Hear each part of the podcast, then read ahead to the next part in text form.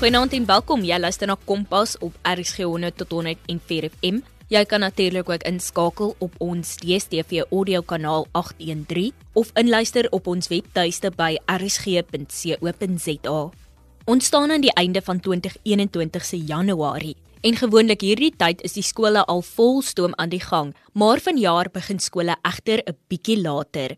En nou is dit tyd om met môre se toekoms te gesels Ek praat natuurlik van die hoërskoolleerders daar by Hoërskool Monumentpark in Kraaifontein. En soos ek vroeër genoem het, gesels ons vanaand oor hoe hulle voel oor die besluit dat skole later vanjaar open en watter impak dit op hulle skooljaar gaan hê. Jy luister na Kompas op RSG. Hoe voel julle oor die heropening van skole wat na 'n later stadium geskuif is? My naam is Zoe Marinus. Ek is 'n graad 11 leerder van Monumentpark Hoër vir 2021. Aan die een kant opgewonde omdat ons 'n lange vakansie het en aan die ander kant nogals angstig want ons weet nie wat die skooljaar vir ons voorlê nie. Hi, ek is Gail Boer en ek is in graad 12.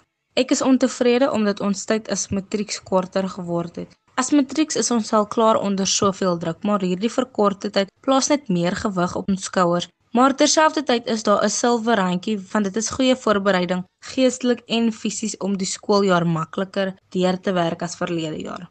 Hi, ek is Michaela Jacobs van Monumentpark Hoërskool en hierdie jaar is ek graad 12. Ek voel dit gee my meer tyd om myself geestelik en fisies voor te berei vir die jaar reeds omdat graad 12 'n baie moeilike jaar is. Ek is die Jolens Nea, graad 11 leerder van Hoërskool Monumentpark. Ek voel ongelukkig van dit gee my min tyd om al die inligting wat onderwysers aan my sal gee te verwerk en verstaan. Hi, my naam is Kyra Buys. Ek is 'n leerling by Monument Park en hierdie jaar gaan ek graad 11 toe. Ek voel gestres oor die datum wat verander het en dit beteken dat ons kwartaal korter gaan wees met meer werk wat op ons geïmplementeer gaan word. My naam is Cassidy Phillips van Hoërskool Monument Park. Dit is 'n moeilike tyd vir almal. En hoewel dit my aanvanklik ontstel en bekommer gemaak het, dit is wat dit is. Ek het gekies om positief te bly en hierdie tyd te gebruik om my voor te berei op die nabye toekoms van jou skole weer heropen. En ek weet dat dit die beste vir ons almal is. Ek is Tanika Wena, 'n leerder van Hoërskool Monument Park in Graad 12. Persoonlik voel ek baie verlig dat ek nog langer tyd het om myself geestelik voor te berei vir my matriekjaar. Want ek wil net my jaar verbykry en hoe meer dit uitgestel word, plaas dit net druk en frustrasie op my en ander matrikulante. En hoe dink julle gaan dit julle akademiese jaar beïnvloed? Ons sal te min akademiese tyd kry en die onderwysers sal al die werk wat ons uitgemis het weer in 'n kort tyd verloop. Dit kan beteken dat daar minder vakansie daar is en dat die jaar sal later eindig. Ek glo dat ons as leerders moet verstaan dat die lewe is wat U daaruit maak. Dit is die harde werk en toewyding wat ons vandag insit wat ons toekoms môre sal bepaal. En daarom moet ons geseën voel vir ons familie en vriende wat ons ondersteun. En veral vir ons onderwysers op Monument Park wat soveel moeite en tyd gedoen het om hierdie tyd net 'n bietjie makliker te maak deur ons nie net aan te moedig om deur te druk nie, maar ons ook geestelik te ondersteun. Die akademiese jaar gaan korter wees en daar sal moet meer prosesse in plek gesit word om die skoolwerk in te haal. Omdat die skole baie laat begin hierdie jaar, voel ek dat dit 'n baie negatiewe invloed het want dit beteken dat die skole laat gaan eindig. Ek weet ons gaan gedruk word met meer werk en die skooljaar gaan seker weer verleng word. Die verlengde skooljaar gaan ongelukkig vir ons onmotiverend en lui maak, maar ten minste as ons mekaar kan ondersteun, dan kan ons weer op ons regte pad kom en ons kan mekaar help om hierdie skooljaar aan te vat. Jy luister nog steeds na Kompas op RSG 100 tot 104 FM saam met my Tenita Kadello en ons kuier by Hoërskool Monumentpark. Ten spyte van die feit dat skool nou eers later begin, moet daar sekerlik dinge wees waarna jy uitsien vir hierdie skooljaar. Eerlikwaar om my matriekjaar goed te slaag, as ook om te sien hoe goed die skool en my medestudente raad gaan aanpas en leer hoe om nog steeds goed te kan doen en ons tyd te geniet by die skool ten midde van hierdie pandemie. Mense veral laas jaar het gedink dat hoe gaan ons deur dit kan werk en hoe gaan ons weer op die regte pad kan kom? Hoe gaan ons weer goed kan doen? Maar ons vergeet dat ons het nou 'n hele jaar agter ons rug en ons het gesien wat is die do's en wat is die don'ts. As ons net daardeur kan werk en mekaar kan ondersteun, dan kan ons weer 'n nuwe môre skep vir onsself om net te kan sien met verandering en aanpassing kan die lewe nie net teruggaan na dieselfde manier toe nie, maar om na 'n beter toekoms te werk, soos wat almal voor ons probeer doen het. Ek sien uit na baie dinge soos my matriekafskeid en net om vir die laaste keer in 'n skoolbank te kan sit en my laaste jaar van my skoolloopbaan 'n sukses te kan maak. Ek sien uit om die skooljaar te slaag en goeie punte te behaal.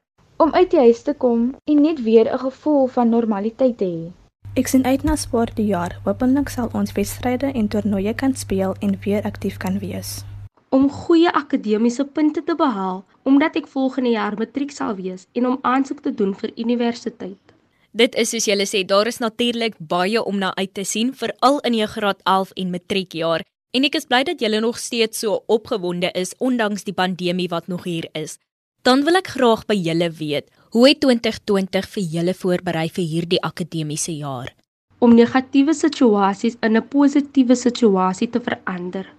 Dit het my voorberei in die sin van ons het gewoon geraak om elke tweede dag skool toe te gaan en aanlyn klasse by te woon en in plaas van normale skool toe gaan. Dit was 'n groot aanpassing wat so vinnig gebeur het sonder waarskuwing. Maar 2020 het ons sterker gemaak en ons laat aanpas by 'n hele nuwe leefstyl om anders te leer, sosiaal te verkeer sonder om sosiaal te wees wat dit baie makliker maak om in 2021 te gaan.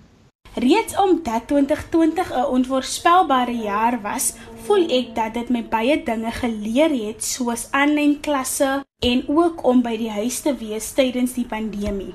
2020 het my gereed gemaak vir wat ek moet verwag op skool. Ons skoolwerk wat ons by die huis moes doen het, het my ook 'n breë aspek gegee op aanlyn skooling. Ek weet ons sal nie dalk terug na ons normale rotine toe, maar ek is gereed daarvoor. 2020 het ons voorberei om 'n volle skooljaar klaar te maak deur aanlyn klasse te voltooi en prioritiseer. Dit het baie leerders selfdissipline geleer wanneer jy leer in die gemak van jou huis en niemand is daar om vir jou te sê of te kyk of jy jou werk voltooi nie. Jy het jouself so gedissiplineer om jou werk te doen ongeag van enige afleidings. Verlede jaar het ook baie leerders geleer hoe om onder druk te werk, om baie werk in 'n kort tydperk te voltooi wat jou kan help in die toekoms. 2020 het ons voorberei vir nou deur ons te herinner dat enigiets moontlik is. Dat as jy regtig waar iets wil bereik, dan kan jy kyk net na al ons jong entrepreneurs wat besighede van niks af behalwe 'n droom en passie begin het. So mense moet net die gedagte in kan hou dat as jy regtig waar iets wil bereik, dan kan jy dit doen. Nee, kyk, ek kan 100% saam met jou saamstem. Dit was werklik 'n jaar wat vir jou gewys het dat jy van niks iets kan maak en dat jy nie moet wag tot eendag nie, maar dat dit dalk nou die perfekte tyd is om te begin werk aan jou droom. En dan net ten slotte julle, hoe gaan julle verseker dat jy ten spyte van omstandighede steeds 'n sukses maak van hierdie akademiese jaar? Aangesien ons nou moes aanpas by die nuwe skoolrotasiestelsel, is dit nie meer uitputtend nie soos dit voorheen was nie. Onder al die omstandighede van wat aangaan rondom die virus, gaan ek dit nie my akademies laat onderkry nie. Ek gaan positief bly en weer 'n sukses van die jaar maak. Ek sal ook meer met my onderwysers kommunikeer. 2021, ek is gereed vir jou om die jaar op 'n positiewe noot te begin en myself te herinner dat dit nie die einde van die wêreld is nie. Deur ekstra moeite te doen, nodige vrae te stel, positief te bly en deur elke geleentheid wat ons kry, ten beste te benut. Met ondersteuning van my familie en onderwysers sal ons deurdruk ten spyte van ons omstandighede en die beste van die situasie maak. Dit is eintlik 'n baie goeie ding want daar is geen buitemuursaktiwiteite nie wat beteken daar is minder afleidings. Jy kan alles in jou vermoë sit om goeie resultate te kry en om net te fokus op die goeie dinge in sy situasies. Deur 2021 ons alles te gee. Laas jaar het baie van ons geval en dit was moeilik om aan te pas en saam met die jaar te werk, maar toe die tyd gekom het, het ons saamgestaan en ons het opgespring Ons het bewys dat deur harde werk en motivering is enigiets moontlik. Al wat 'n mens kort is net iemand om jou by te staan en jou hand te vat en vir jou te sê jy kan dit doen. Dis moeilik om dinge alleen te doen en soveel kinders moes dit ervaar in 2020, maar in 2021 gaan ons beter probeer doen en ons gaan beter probeer wees van al wat 'n mens soek in lewe is net 'n goeie môre en 'n goeie môre kan net geskep word as elkeen sy alles gee. Hierdie positiwiteit gaan julle beslis deur 2021 dra. Baie dankie aan die leerders van Hoërskool Monumentpark in Kraaifontein dat julle deel was van vanaand se program. Dit is nou weer tyd om by Elisna Kili te kuier. Elisna is ons gasaanbieder by Kompas en Elisna doen vir die volgende 6 weke 'n reeks oor boeliegedrag Nou ons staan nou al op episode 3. Elisna, die vloer is joune. Welkom terug by ons reeks oor boelie gedrag. Hierdie week is ons al in die helfte van ons reeks met episode 3. Indien jy episode 1 en 2 gemis het, gaan na www.rsg.co.za. Klik dan op die kiesopsie lys potgooi. Daarna klik jy op die letter K. Soek dan na ons programnaam Kompas en 'n vorige lys van opgeneem en uitgesaade programme sal dan tot u beskikking wees. U kan dan na hartelus gaan luister na vorige programme. Hierdie week gesels ons met Dr. Zander Kromhout, 'n forensiese kriminoloog in die Pretoria area. Hy gesels oor die profiel van 'n boelie en ander interessante aspekte. Ek wil graag by jou weet, hoe lyk 'n boelie? Hoe lyk 'n boelie aan die binnekant? Elisa, dankie vir die geleentheid wat jy vir my gee hierso. Um 'n boelie aan die binnekant is iemand wat in sy lewe al baie seer gekry het self. Boelie is nie noodwendig iemand wat geboelie is nie, maar 'n boelie is iemand wat onderdrukte aggressie het wat hy wil uitleef op 'n manier wat hom beter sal laat voel. So hy wil basies gaan en iemand anders seermaak want dan gaan hy voel okay, dit is nie so erg teenoor myself gewees nie. Sê vir my, hoe kies hierdie boelie sy slagoffer? Die slagoffers wat hulle kies is gewoonlik iemand wat wat uitstaan as as hy hy dink die persoon staan uit as abnormaal soos dis iemand wat wat wat wat 'n maklike teiken vir hom kan wees.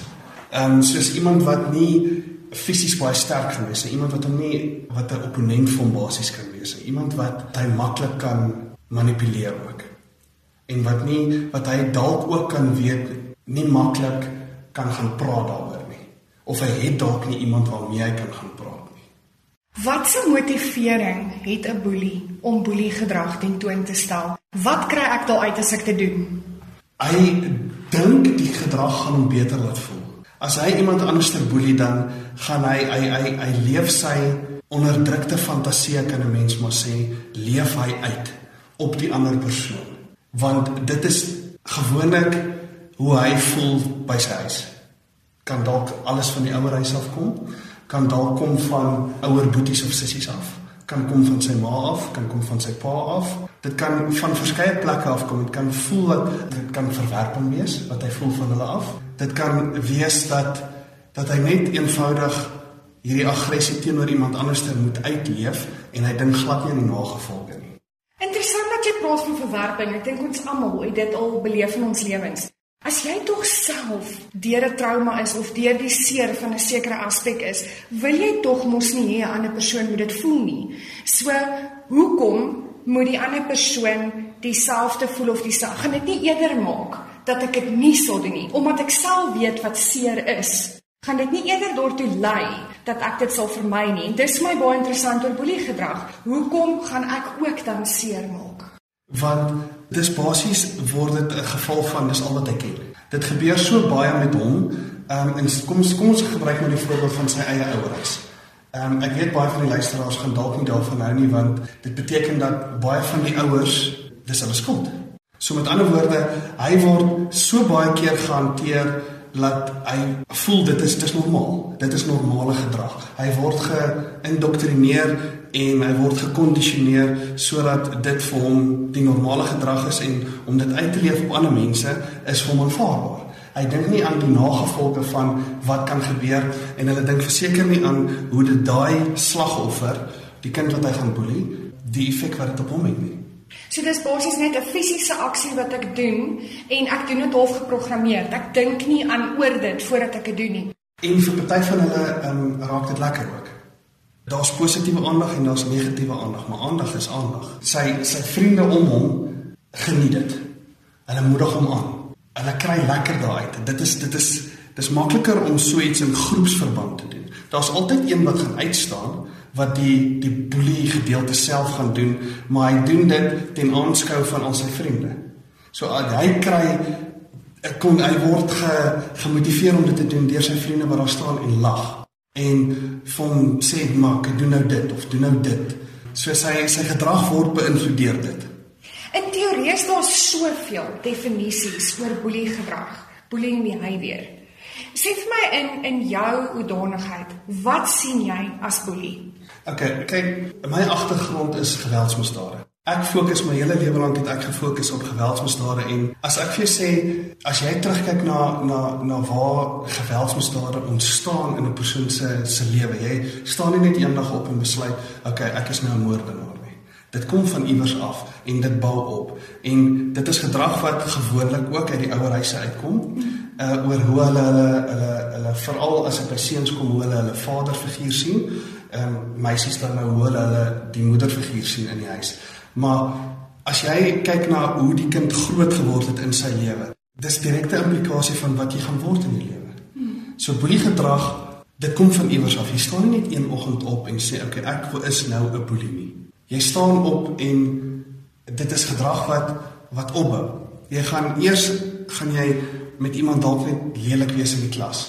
En dan gaan jy sien ek maar niemand doen regtig ietsie aan nie.